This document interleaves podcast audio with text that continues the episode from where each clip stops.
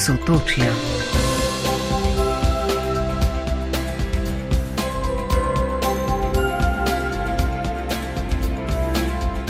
Dobar večer, lepo pozdravljeni vsi, ki ste se odločili za družbo rojakin in rojakov iz sosednjih držav.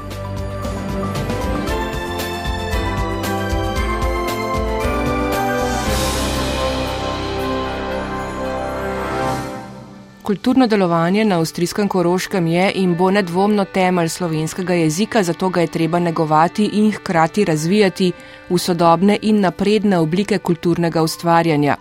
Tako je dejal Mitja Rovšek, novi poslovodeči predsednik Slovenske prosvetne zveze iz celovca. Ena od dveh krovnih kulturnih organizacij koroških slovencev se je na občnem zboru odločila profesionalizirati predsedniško funkcijo. Kaj to pomeni v eni prihodnjih oddaj? Nocoj gostimo Bernarda Sadovnika, predsednika ene od treh krovnih političnih organizacij koroških slovencev. Vodja skupnosti koroških slovencev in slovenk je zadovoljen zaradi usklejevanja krovnih organizacij tudi pri spremembah deželne zakonodaje na področju predšolske vzgoje.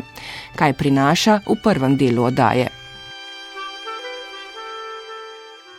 Po številnih napovedih in večletnem čakanju je bil minuli teden v italijanskem uradnem listu končno objavljen redni razpis za kar 89 mest za profesorje in učitelje na srednjih šolah slovenskim učnim jezikom. Razpis je razveselil sindikat slovenskih šol, ki si je dolgo prizadeval zanj. Tudi o tem več v nadaljevanju odaje, ko se bomo ustavili v Gorici na srednjih tehničkih šolah, kjer so imeli dan odprtih vrat. Poslanka sabora in predstavnica slovencev v Varaždinski županiji Barbara Antolič Vupora se je s pristojnim ministrom Matejem Marčonom med drugim pogovarjala o javnem potniškem prometu ob meji s Hrvaško in možnostih, da bi z boljšo mobilnostjo okrepili stike med prebivalci obmejnega območja. En od tem pogovora je bilo tudi poučevanje slovenskega jezika na Hrvaškem. Težava je namreč pomankanje učiteljev. S tem se soočajo tudi slovenci v Pulji, opozarja Maja Tatkovič Diklič, tajnica društva Istra. Gostimo jo v drugem delu oddaje. S predsednikom državne slovenske samouprave Karlom Holcem pa se pogovarjamo o ključnih letošnjih izzivih porabskih slovencev. Najprej pa gremo na severno stran Karavank. Sotočja. Koroške slovenke in slovence letos čakajo deželno-zborske volitve. Izziv ostaja tudi sodelovanje krovnih političnih organizacij tudi pri ključnih zakonskih spremembah. Koroški deželni zbor naj bi namreč v začetku februarja potrdil novelo zakona o varstvu in izobraževanju v vrcih. Mnenje o tem, koliko so v zakonu vključeni predlogi koroških slovencev, pa so deljena. Tudi o tem več v naslednjih minutah v pogovoru s predsednikom skupnosti koroških slovencev in slovenk Bernardom Sadovnikom. Če se najprej ustaviva prav pri zakonu o elementarni pedagogiki oziroma pri noveli zakona o izobraževanju in varstvu v otroških vrtcih na avstrijskem koroškem, a je zdaj že znano končno besedilo tega zakona? No, v glavnem je tako, da je besedilo že vse skozi uh, bilo znano. Eh, da smo na znano besedilo, ki je bilo tako zdaj v širši razpravi, dali tudi naše, eh, oddali tudi skupno vse tri organizacije naše pripombe, eh, kar spet enkrat dokazuje, da govorice, da smo skregani, pa ne poenoteni, sploh ne držijo. Mm. V teh bistvenih vprašanjih smo uh, skupnega menja. Eh, in smo to stališče tudi eh, posredovali deželjemu zboru, deželjemu glavarju. Jaz sam sem uh, znotraj delovne skupine v deželjni vladi za vprašanje elementarne pedagogike, tako rekoč govornik za vse tri organizacije in sestavni del tudi tega delovanja, tega delovnega krožka. In je bila ta naša, bi rekel, glavna pripomba sprejeta, namreč, da ker novi državni zakon predvideva, da če se nekdo poslužuje, eh, bi rekel, privatnih upravljavcev eh, otroških vrtcev, da mora takšen privatni upravljavc eh, skleniti pogodbo s dotično občino, mm -hmm. kjer bi se naj vrtec odprl. To bi pa seveda pomenilo, če bi to tako ostalo, da bi morali naši privatni vrtci zdaj sklepati pogodbe ampak to zadevo, ta zadeva je bila sprejeta, razrešena in v zakonu jasno piše, da uh, izjema iz tega določila so vsi vrtci, ki so financirani iz fonda za dvo in večjezične vrtce in s tem je ta nevarnost tako rekoč ni več dana. Uh, na drugi strani pa treba že jasno povedati, da je prvič v zgodovini dežele Koroške v tem zakonu sploh omenjena narodna skupnost in slovenščina. Uh, to tudi na osnovi uh, pogodbe, ki smo jo uspeli uh, urediti med deželo in zvezdno vlado, ki zagotavlja dodatne finančne vire tudi občinskim vrtcem za slovenščino in za dvojezično vzgojo. In to je tako uh, seveda tudi zdaj prenešeno v zakon in zakon to tudi zelo jasno piše. In zavedati se moramo, da je dežela na osnovi uh, te pogodbe izdelala izhodišče za podpore dvojezičnim vrtcem in izhodišča za podpore, za občinske vrtce veljajo ista, kot veljajo tudi za privatne dvojezične vrtce, se pravi, da je s tem zagotovljena kvaliteta uh, delovanja, uh, jezikovnega delovanja uh, in jezikovne izobrazbe tudi v občinskih dvojezičnih mhm. vrtcev, kar doslej ni bilo v takšni meri. Kako pa je zmanjševanjem oddelkov v vrtcih? No, gledajte, to pa ni in to je treba že zelo jasno povedati. Mi se soočamo, kot to tudi se dogaja v Sloveniji, s problematiko, da se vedno manj mladih uh, in pedagogov odloča za, de, za delo v otroških vrtcev, ker je to delo ne samo naporno, ampak ker so tudi skupine z otroki v velikosti, ko ena pedagoginja in ena spremljavalka tega ne zmorejo več in sam kot župan sem ja upravljavc dvojezičnega vrtca in vidim, kako so naše pedagoginje in uh, naši naše sodelavke tudi v vrcih izpostavljenem pritiskom pri slabi plači. Mm -hmm. In ravno to, ravno ta kritika se je zdaj v državnem zakonu eh, tako rekoč upoštevala. In to pa zelo jasno pomeni, da eh, pride zdaj v naslednjih letih do znižanja v teh eh, eh otrok eh, v skupinah. Se pravi, uh, zdaj v naslednjih letih od 25 na 20 otrok na skupino, In seveda je to zdaj izziv ne samo za občinske vrtce, ampak tudi za privatne vrtce. Ampak to, eh, da, je, da le jasno povem, to nič proti manjšinskega ni, ampak tu smo ugodili potrebam, ki jo imamo, če želimo zagotoviti personal ne samo enojezičnih, ampak tudi dvojezičnih vrtcih, ker tudi iz dvojezičnih vrtcev so se pedagoginje poslavljale, ker enostavno izhodišča za delovanje niso več takšna in tudi plača ni bila več takšna, da bi bilo to atraktivno za delo v naših vrcih. Gospod Sedovnik, ampak vendarle pa prihajajo z dela koroških slovencev kar kritike na ta zakon, na to novelo zakona, da ne prinaša nič novega, nič dobrega. Kako pa vi odgovarjate na to, na te kritike? Uh, veste, uh, jaz sem uh, navajen, da se kritiki izpostavim, eh, bi rekel, z določeno vsebino. Uh mhm. eh, -huh. Ne strinjam se, da grem kritizirati zaradi kritike, ampak strinjam se s tem, da lahko grem kritizirati zaradi vsebine. In uh, vsi vemo in se zavedamo, da je ravno v vprašanju elementarne pedagogike tukaj na potezi predvsem zvezdna vlada. Uh mhm. -huh ki še do danes ni uredila vprašanje manjšinskih jezikov, vseh avstrijskih manjšin v sklopu šolskih zakonov in zvezdne zakonodaje. In to bi že rad jasno povedal. Zvezdna zakonodaja in zvezdna vlada je uzakonila, da uh, je prišlo do obveznega obiska v zadnjem eh, letu uh, otroškega vrca, se pravi, otrok, eh, ki predna prihaja v osnovno šolo, mora vse zadnjo leto, če prej ne, obvezno obiskati otroške vrce. Tukaj pri tej obvezi uh, bi bilo absolutno potrebno in, in, in je to absolutna zahteva do zvezdne vlade, da, da zvezdna zakonodaja, ki je pristojna za mašinsko zaščito, seveda zdaj v okviru mašinskega šolskega zakona zagotovi vse uh, v tem obveznem uh, letu obiska uh, vrca tudi obvezno ponudbo uh, dvojezične vzgoje in dvojezičnega spremstva. Ampak to je treba seveda razlikovati državne in zvezdne zakonodaje In tudi nekaj, eh, treba je vedeti, da je, bi rekel, naloga oskrbe na področju elementarne pedagogike v našem primeru občinska kompetenca.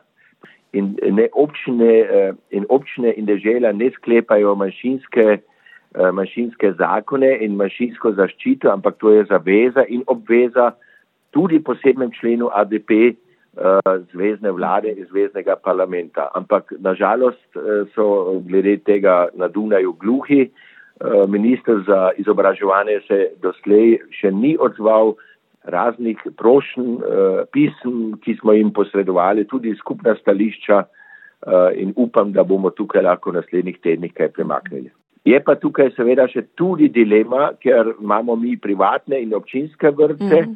in, zdaj, in zdaj se občine tudi odločajo, da odpirajo dvojezične skupine in tu je potem pride kritika tudi od, od nekaterih, ja, ampak s tem bodo uničili naše priv, privatne vrste, ampak to je dilema slovenske manjšine. Hm. In, in to dilemo moramo mi med sabo razrešiti in se dogovoriti z občinam, z državno politiko, s privatnimi, zasebnimi upravljavci, kako zagotovimo na celotnem dvojezičnem ozemlju oskrbo elementarne pedagogike, pri čemer bi tudi tukaj rad povedal, mi danes nimamo dvojezičnih pedagogin in pedagogov, ki bi bili za naše vrtce na razpolago niti ne za eh, trenutno potrebo. Kaj pa še, če bomo to razširili, nimamo personala. Tako Bernard Sadovnik, pogovor z njim nadaljujemo čez tri minute. Sledi namreč mešani pevski zbor Danica, ki je tudi tokrat ob začetku leta pripravil novoletni koncert. Prenovljen kulturni dom v Šentprimožu je bil skoraj premajhen za vse obiskovalce. Koncerta, na katerem je poleg petih društvenih vokalnih sestavov gostoval še moški pevski zbor Vinko Poljanec. Koncert so minuli teden predvajali v večernem sporedu Koroškega radia ORF. Do srede ga še najdete v njihovem radijskem arhivu. Pesem, ki sledi sicer niz koncerta, je pa z albuma Buh Pumaj, Danica Dum.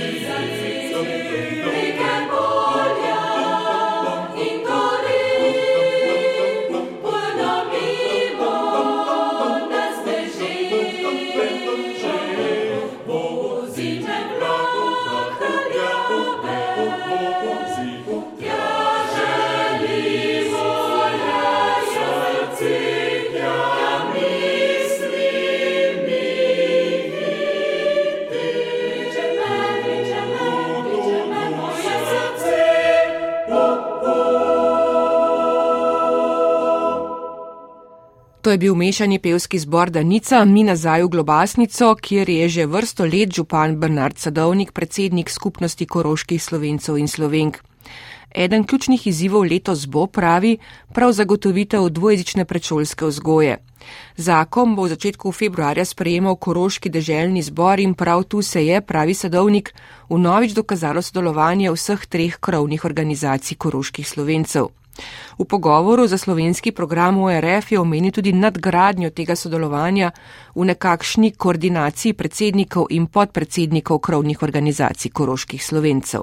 To ni bila moja pobuda, to je bila pobuda bivše ministrice uh mhm. -huh. Helene Jakličove o prisotnosti nas vseh treh predsednikov, ko je ona ugotovila, če že lahko vsi predsedniki sosvetov in podpredsednikov sosvetov vseh avstrijskih mašin in nas je šest, ne, in, uh eh, -huh. da, da, da smo sposobni sodelovati, se organizirati tudi na družbeno-pravni ravni in skupaj tako rekoč nastopati napram avstrijski vladi, zakaj to ni možno med uh, tremi uh, političnimi krovnimi organizacijami, kot prvi korak k krepitvi zaupanja in medsebojnega še boljšega sodelovanja, ki sicer v zadnjih letih je itak bilo.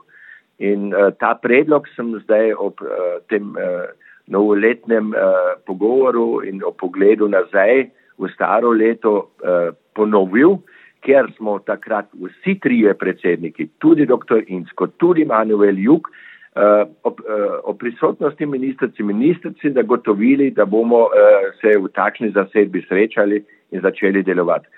Nažalost, uh, Manuel Juk je to v zadnjem letu prevzel, uh, da bo v Abu, sicer je razposlal vabilo, odziva uh, se uh, po informacijah Manuela Juga strani Narodnega sveta ni bilo. Bomo... Tu se po tem času že vprašam, kaj zdaj hočemo. A hočemo sodelovanje izboljšati, hočemo uh, zagotoviti boljšo uh, bazo zaupanja, ali se gre tukaj za to, kdo koga obvlada. In pri igrici, kdo koga obvlada, se jaz kot predsednik skupnosti ne bom sodeloval, ker so uh, vsebine, kot je elementarna pedagogika, tako pomembne, da tukaj ni eh, treba časa zgubljati za nepotrebne ideološke ali druge igrice. Gospod Sedovnik, če se ob koncu pogovora dotakneva še enega od pomembnih izzivov, to pa so volitve v državni zbor, ki bodo v začetku marca enotna lista, se, kot je napovedal predsednik Gabriel Hriber, pripravljena naslednje volitve, torej čez pet let, bo pa kar nekaj kandidatov tudi iz vrst koroških slovencev. Kakšne pa so realne možnosti, da bi kdo od njih tudi prišel v deželni zbor?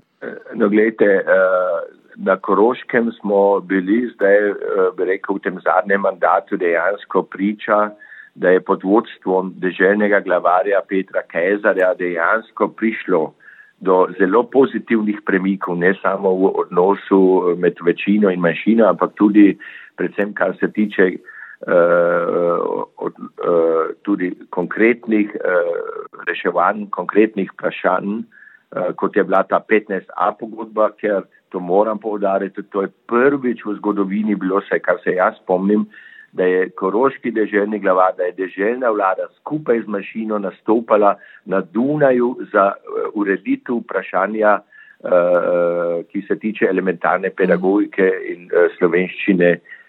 In, in smo skupaj uspeli, ker je seveda to čist druga teža v takšnem kontekstu. Se pravi, to delo bo potrebno nadaljevati in osebno ocenjujem, izrednega pomena in to je enostavno tudi Eh, bi rekel, nov čas eh, privedel do tega, novo vzdušje na Kroškem privedel do tega, da imamo zdaj, hvala Bogu, tudi v drugih strankah eh, vedno več kandidatk in kandidatov, ki kandidirajo pri strankah in s tem tam tudi uveljavljajo, bi rekel, to ne samo to novo vzdušje, ampak tudi uveljavljajo te skupne cilje in skupne vsebine, skupne težišča in to je vedno samo v korist mašini. In zato sem jaz absoluten nasprotnik ideoloških igrc, a so desni, levi, ali kdo eh, napredni, bolj pametni ali manj pametni. Jaz sem zagovornik tega, da je važno, da imamo močno samostojno politično gibanje, ki je v zadnjih desetih letih nažalost zaspalo uh -huh. uh, vs razvoj in se zdaj, hvala Bogu, uh, spet zbuja. In na drugi strani sem vesel, da imamo kar nekaj kandidatov, sposobnih kandidat, kandidatov na listi socialdemokratov, na, eh, na listi Tim Köferja in tudi zelenih in mislim, da bo tudi na listi ÖVP, ki kandidirajo tudi v, pri ostalih strankah. To je pač novo uh, strankarsko obdobje na Koroškem, ki ga lahko ocenjujemo kot pozitivno. In verjamete, da bo med njimi, med temi kandidati tudi komu iz vrst koroških slovencev uspelo se prebiti v deželjni zbor? Uh, jaz mislim, da je to možno, ampak uh, seveda uh, je, so to zdaj uh, ankete, ki se dele in tako naprej. Voljivc, voljivka bodo svoje povedali in več pripadnikov narodne skupnosti bo v deželnem zboru, boljši bo za slovensko narodno skupnost. In uh, zato je potrebno, da imamo tukaj mi kot tri krovne politične organizacije usklajena stališča in to bi še enkrat rad poudaril. V preteklosti, v zadnjih letih ni bilo vsebine, pri kateri bi se ne vsi, vse tri politične krovne uskladile in to tudi skupaj, skupaj zastopale oziroma napram vladi, napram Dunaju. In Slovenija je nam uh, pri tem v pomoč in jaz mislim, da samo tako lahko napredujemo, da tudi strankarski zastopniki potem usklajena stališča zastopajo napram vladi. Seveda je bo težavno, če bodo potem strankarske, strankarski zastopniki zastopali nekaj drugega kot krovne politične organizacije, ampak doslej je v glavnem uh, so stranke vedno sledile skupnim stališčem uh, mašine, če so jih želele seveda uveljaviti. To je tudi še eden od izzivov za letošnje leto, ki vas čaka. Bernard Sadovnik, predsednik skupnosti koroških slovencev in slovenk, hvala za pogovor in srečno. Hvala lepa in uh, tudi srečno in uspešno leto Sloveniji. Naj se nas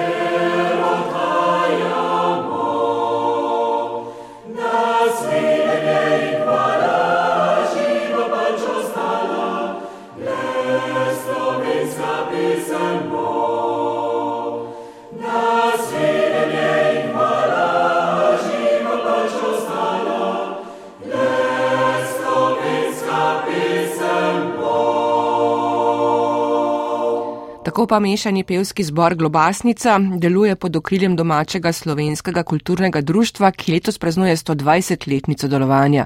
Več o tem pa v eni prihodnjih odaj. Sotočja. V slovenskih šolah v Italiji so se razveselili razpisa za kar 89 učiteljev in profesorjev. Z objavo v uradnem listu so si odahnili tako učitelji, ki že dolga leta na šolah podpisujejo enoletne pogodbe, kot tudi ravnatelji, ki bodo lahko tako rešili težavo s pomankanjem kadra. Na nižjih srednjih šolah, ki so v Sloveniji primerljive z osnovnošolsko predmetno stopnjo, je največ delovnih mest razpisanih za učitelje slovenščine, italijanščine, zemljepisa in državljanske vzgoje. Na srednjih šolah pa bodo iskali profesorje z področja humanističnih, znanstvenih in tehničnih predmetov.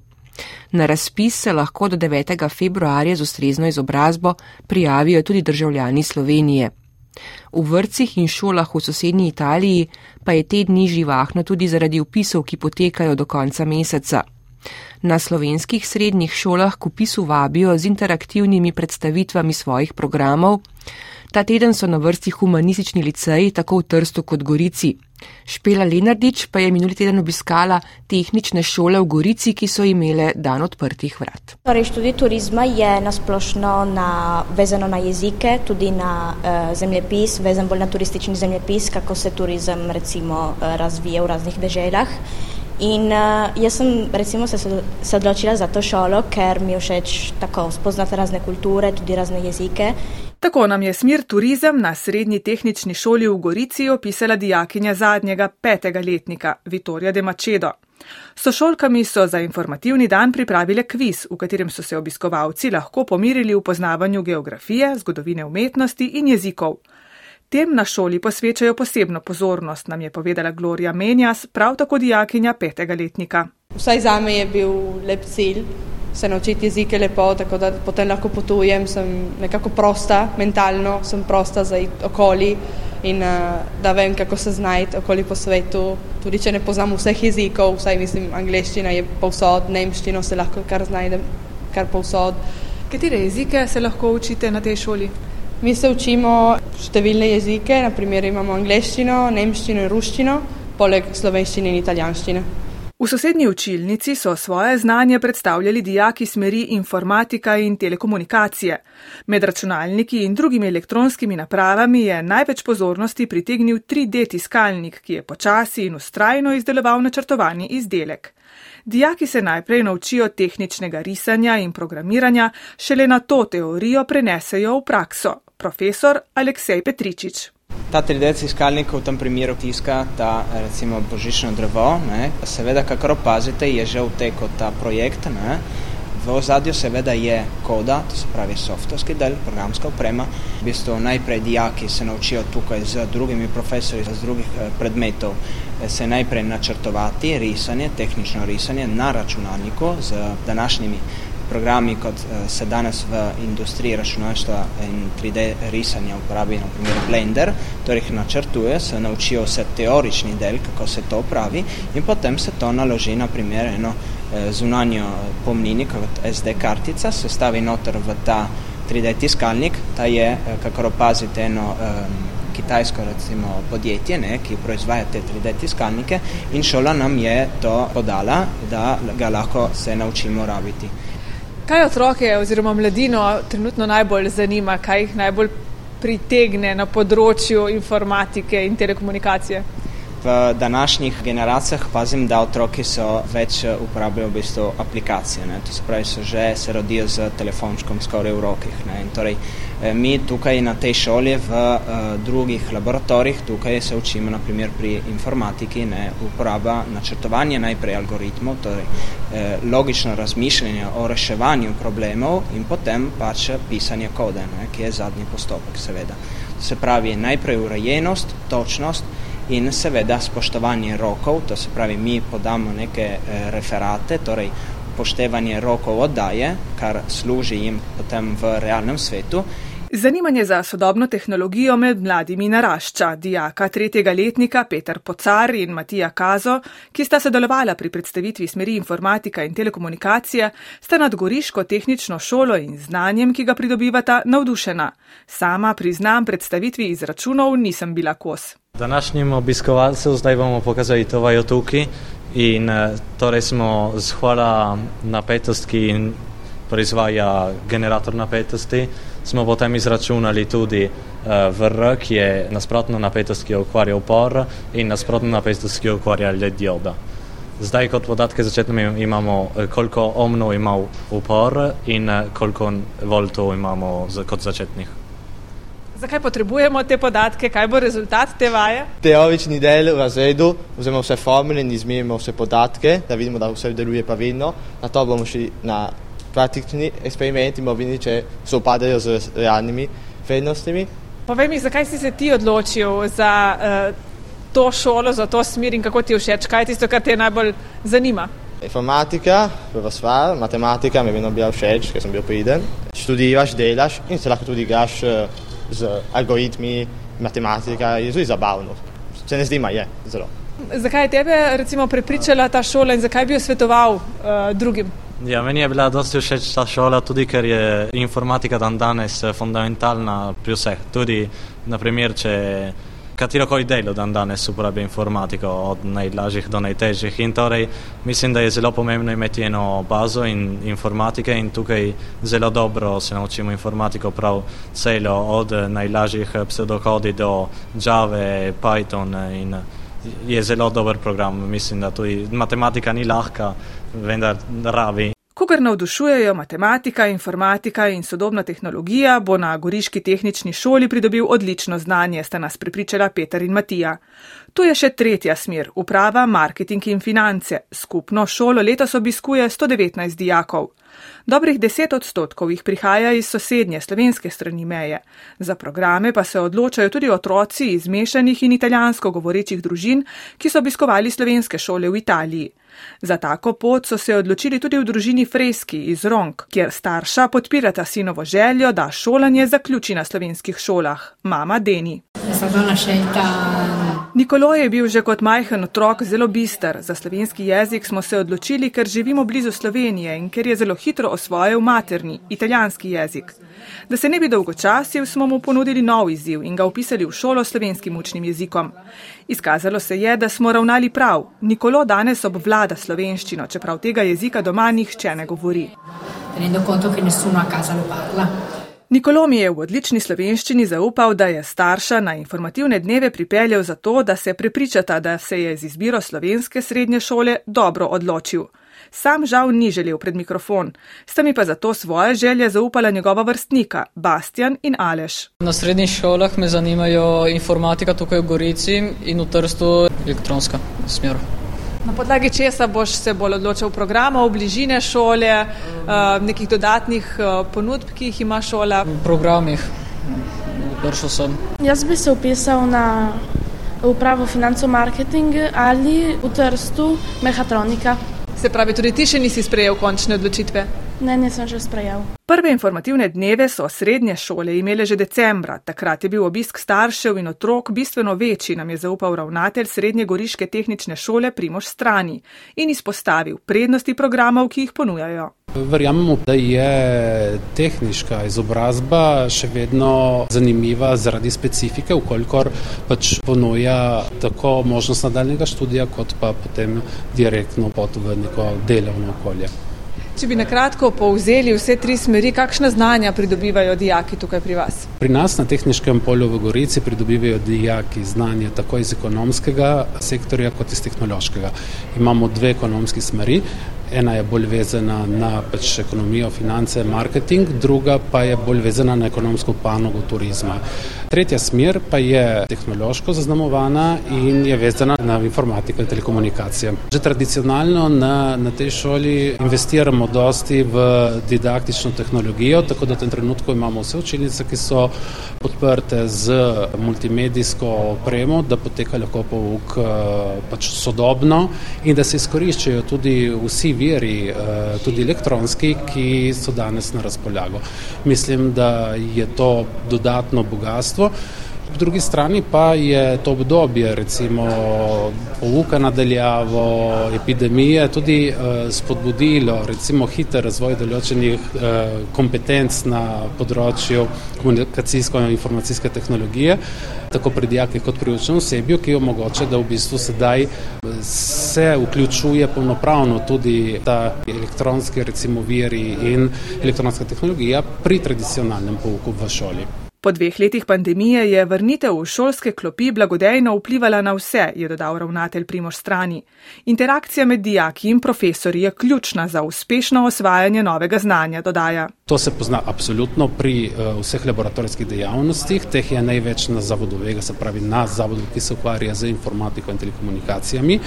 Lep del strokovnih predmetov na področju ekonomije, financ, turizma pa poteka laboratorijsko tudi na ekonomskih smereh, zaradi tega, ker smo se odločili, da bo oblika pouka taka. Laboratorijski pouk je bolj interaktiven od frontalnega modela pouka, razvija samostojnost pri dijaku, spodbuja delo v skupinah in se pravi razvija tudi neke prečne kompetence, ki jih dijaki danes potrebujejo, da se potem lahko polnopravno in uspešno vključujejo v delovno okolje. Prednost slovenskih šol v Italiji je zagotovo tudi delo v majhnih skupinah, saj razredi niso številčni. Medtem ko so v Trstu srednje šole razpršene na različnih lokacijah, so v Gorici združene v središču mesta. Tehnične in humanistične smeri skupno obiskuje 311 dijakov. Šoli sta tesno povezani tudi pri snovanju izbirnih predmetov, obšolskih dejavnosti in ekskurzij. To vrstnega sodelovanja bo v bodoče zaradi demografskega paca vse več. In ker smo že v Gorici, sledi še mladinski pevski zbor Slovenskega centra za glasbeno vzgojo Emil Komel.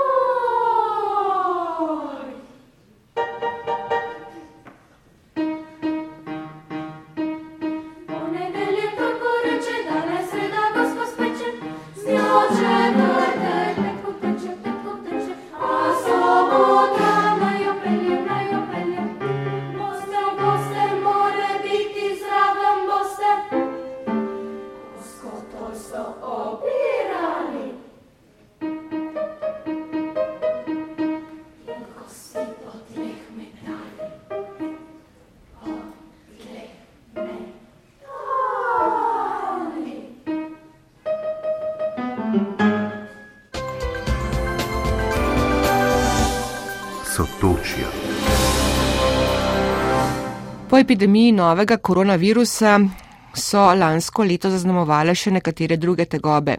Slovenci na Mačarskem so tako veliko pozornosti namenili tudi popisu prebivalstva. O tem pa tudi o načrtih za letošnje leto je Silvi Eri več povedal predsednik državne slovenske samouprave Karel Holec. Seveda, za leto 2022 za porabsko slovence je bilo najbolj pomembno popis prebivalstva. To je za nas, za porabsko slovence, zelo važno bilo. Naj nas bo več, kot nas je bilo pred desetimi leti, nas je bilo 2800. To je bilo za, za nas, jaz mislim, to število je bilo malo. Takrat je živelo dosta več slovencev. Vemo, to je ni bilo nujno vprašanje in se je pozabilo in zaradi tega nas je bilo tako malo. Lani smo državna slovenska samouprava kot zagovornica, kot zveza slovencev Slovencev na Mačarskem. Delali smo kampanjo in smo šli in smo poiskali Slovence, ni samo uporabil, šli smo v večje mesto in vse tam, kjer živejo še eh, Slovenci in smo je nagovorili in smo je prosili, naj se opredelijo za, za Slovence. Jaz mislim, da bo to uspešno in nisem zaradi tega, ker smo mi šli in smo je poiskali, zaradi tega tudi, da smo na internetu imeli eno spletno stran z naslovom Slovenecem in tam smo videli, da smo dosegli s tem eh, tam skoraj 7000 ljudi. In upam, da so to vsi slovenci bili, katere smo dosegli. In že zdaj samo polovica je tisti, kateri se opredelijo za slovence, je, mislim, takrat smo že dobri. Dobro bi bilo, če bi nas bilo 4000, zdaj še drži, jaz sem optimist in upam, da to število dosežemo. Zdaj rezultatov še ni, najbrž pa jih bomo potem dobili v prvi polovici tega leta? Ja, zdaj tako izgleda, da konca marca, začetka aprila bomo imeli eh, že rezultate. To je, kot sem rekel, zelo pomembno za nas, zaradi tega, da če imamo gospodarski razvojni program, skupni sklad, cilje, vizije, to ne mre brez slovencev. Zdaj, vse to se dela, razvoj se dela za, za slovence, za porabske slovence, za slovence, kateri na mačarskem živejo. Lahko se dela, sam za koga. Tako, to je zelo, zelo važno, dosta mora nas biti takrat smo močni kot manjšina. Če gledamo 2800, tam smo bili zadaj, če gledamo 13 narodnost. Zdaj, če bi dosegli tiste 4000, bi dve, tri mesta bi že naprej stopili. Tako to bi bilo za nas eh, zelo dobro. In seveda si bolj optimist, če vidiš, kaj nas je več, kaj nas je dosta, so ljudi, za katera lahko delaš, imaš vizije, imaš ideje. Tako to, to bi zelo, zelo dobro bilo in upam, da bo v nas dosta. Vojna v Ukrajini je lani tudi povzročila veliko težav, tudi energetsko draginjo. Kako se je to poznalo pri vas, pri državni slovenski samopravi, pri slovencih nasploh? Jaz mislim, če gledam državno slovensko samoupravo, mi, kot imam dve šole, upravljalec dve šol in tri uh, vrtcev, Mi smo srečni zaradi tega, mi kurimo z drvami. Dve, tri leta nazaj smo mislili, da naredimo eno obnovo in na, na drugi sistem bomo kurili, ampak hvala Bogu nismo. To je ostalo tako kot je in z drvami kurimo še in zaradi tega zdaj nimamo težave enkrat. Drva so se malo, so draže, ampak ni, ni tako, kot če gledamo plin ali elektriko. Tako to, to nas ni doseglo tako hudo kot uh, druge inštitucije. Jaz mislim, če ostane tako, ne bomo imeli problema. Zdaj z elektriko tudi, tiste, je, se, tiste cene so se zvišale, ampak mi imamo eno pogodbo, ta pogodba nam traje še dve leta, dočas pa plačamo to, to ceno, kot je pogodbi hvala Bogu, mi s tem problema nimamo še. Karel Holec, kako je bilo z gospodarskim programom, ki ga mađarska država financira v lanskem letu? Ja, zaradi vojne, gospodarske krize se je tudi to malo stavilo. In smo čakali, odločba so bile, ampak pogodba niso se popisala, več mesecev je stalo tako vse in malo bo tam lani konca novembra, začetka decembra so se pogodba podpisala. In v sredini decembra vse podjetniki so dobili denar, tako to je tudi rešeno. Ampak zgubili smo eno leto. Zdaj to leto čakam, da se tretje leto se lahko začnemo z gospodarskim razvojnim programom, z mačarskim in zdaj bomo podpirali uh, kmetje. Za njih bo razpis. Jaz upam, da to še spomladi lahko začnemo. Je količina denarja ostala ista, se glede na krizno obdobje tukaj spreminja? Ne, denar je ostal. Informacija je manj tak, da je ta vsota ostala, približno 220 milijonov forintov. To so razdali, to uporabijo te sedem vasi. In to bo letos res eh, potem samo za te kmetijske programe? Ja, to, da, to gre za kmetijske programe, za stroje, te mali kmetje si lahko kaše stroje eh, ali kaše ograjo ali vse tisto, kaj rabijo, si lahko, lahko si kupijo. Tako oni že zelo, zelo čakajo in tudi mi kot državna slovenska samouprava lahko štartamo s tem programom. Kaj se dogaja s tem skupnim skladom Prekmorja in porabija? Vemo, zdaj bo skoraj leto dni minilo, odkar sta predsednika vlad Orban in Janša podpisala ta sporozum. Govore je bilo o petih milijonov evrov vsake strani vsako leto, se pa napoveduje, da bo vsaj na začetku teh sredstev manj. Kakšne so vaše informacije? Moje informacije so tak, da bi se te eh, skupni sklad bi se začel to leto. Zdaj to leto bi, bi imeli 3 milijon evrov. Pri nas porabi in tudi v prekmorju. Jaz bi bil zadovoljen, če bi, če bi res tako bilo. Bi bila odločba in bi lahko začeli. Dobro, kaj je manj 2 milijon evrov, ampak to je itak dosta denarja za, za nas za porabje. Imamo načrte, tako bi začeli eh, to delo. Jaz mislim, dobri so te gospodarski razvojni programi mali, ampak skupni sklad je en, en večji program. Jaz mislim, da to, če se eh, štarta in bo trajalo dve, tri leta, štiri let, pa to, da bomo videli, bo se videl razvoj uporabil. Dosta se imamo načrti, to večji eh, načrti so medijski center, žganjarna v Števanovci, mlin eh, na Gornjem Seniku, da bi se obnovil kot turistična točka. Ena atrakcija bi bila, ena največja turistična atrakcija v uporabi.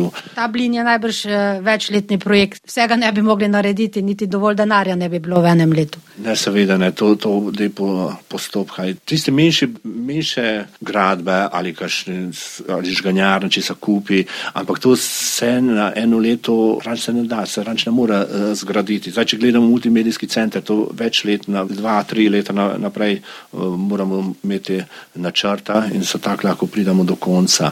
Manjši pa tisto, kar se eno leto da narediti. Ampak to mi mislimo zdaj na večje projekte. Kakšne naloge ste se še v državni slovenski samopravi zadali za letošnje leto? Prvo bo borbo gostivanja. To je ena velika prireditev. To smo se že več let nazaj odločili, da porabijo moramo imeti, če ni vsako leto, vsako drugo leto skupaj eno borbo gostivanja, skupaj sedem vasi, skupaj organiziramo.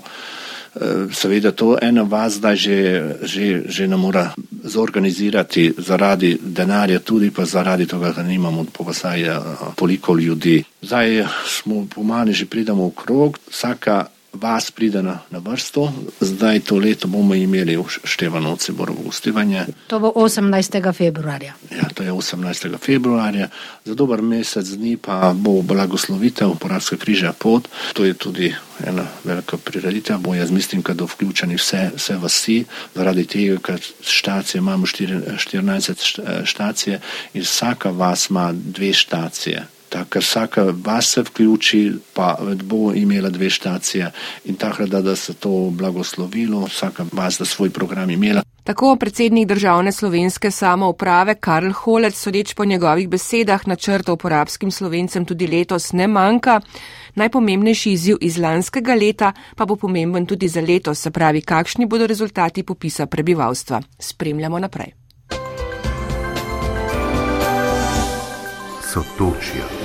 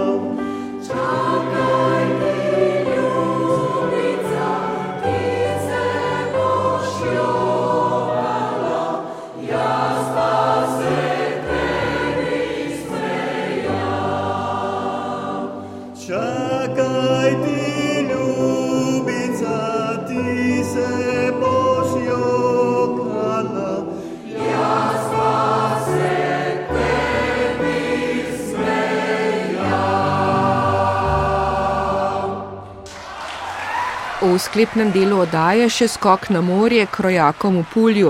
Letos jih čaka kar nekaj pomembnih dogodkov, pravi tajnica Slovenskega kulturnega društva Istra Maja Tatkovič Diklič. Med drugim bodo imeli tudi manjšinske volitve. Razen našega rednega delovanja, ki je zaradi inflacije ne, nekoliko otežano, oziroma bomo mogli bolj. Uh, premišljeno ravnati. Premišljati. Ja, tako.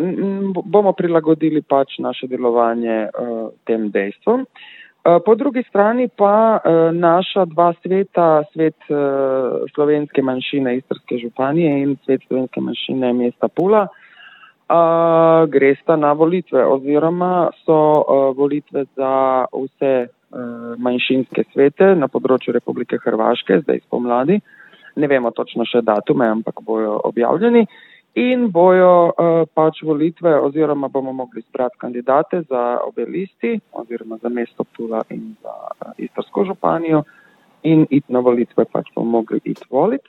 Druge volitve, ki čakajo naše društvo, pa so volitve za predsednika, ki so predvidoma novembra 2023, tako da proti koncu leta pa bomo tudi imeli predsedniške volitve v društvu. Če poveva nekaj več o teh volitvah v manjšinske svete, po popisu prebivalstva se je na Hrvaškem število slovencev precej zmanjšalo. Kaj je to pomenilo za recimo za Istrsko županijo in za mesto Pul, mesto Pula? Pa konkretno za nas v bistvu ne, ker imamo še vedno dovolj slovencev, da imamo svet eh, na ravni županije in svet na ravni mesta.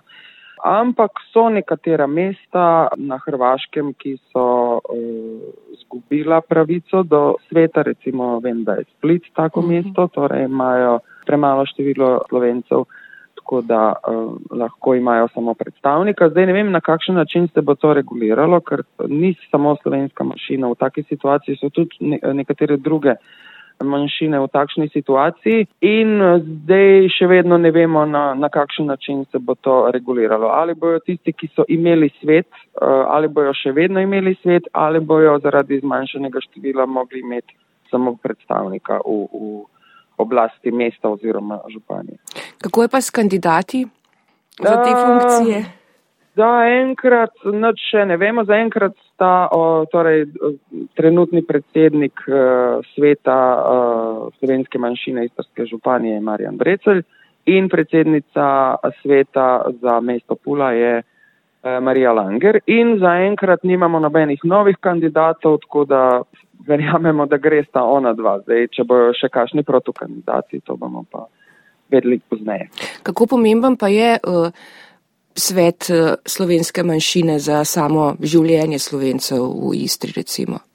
Ja, tako, eh, v bistvu je svet eh, manjšine na ravni mesta ali županije skrbi za to, da se upoštevajo pravice določene manjšine. Mm. Torej, naš slovenski svet skrbi, da se spoštujejo pravice slovencev v različnih področjih gospodarskega, političnega in drugega, predvsem političnega življenja v Istri oziroma v mestu Pula. Zdaj, tako, svet Istrske županije recimo ima zelo majhna sredstva, finančna sredstva, da bi karkoli lahko naredil oziroma imajo sredstva dovolj le za tisti minimalni hladni pogon, da, da opravljajo eno sejo letno in tako naprej. Je, evo, do, do letos je to bilo 1500 evrov na leto, kar je zelo malo.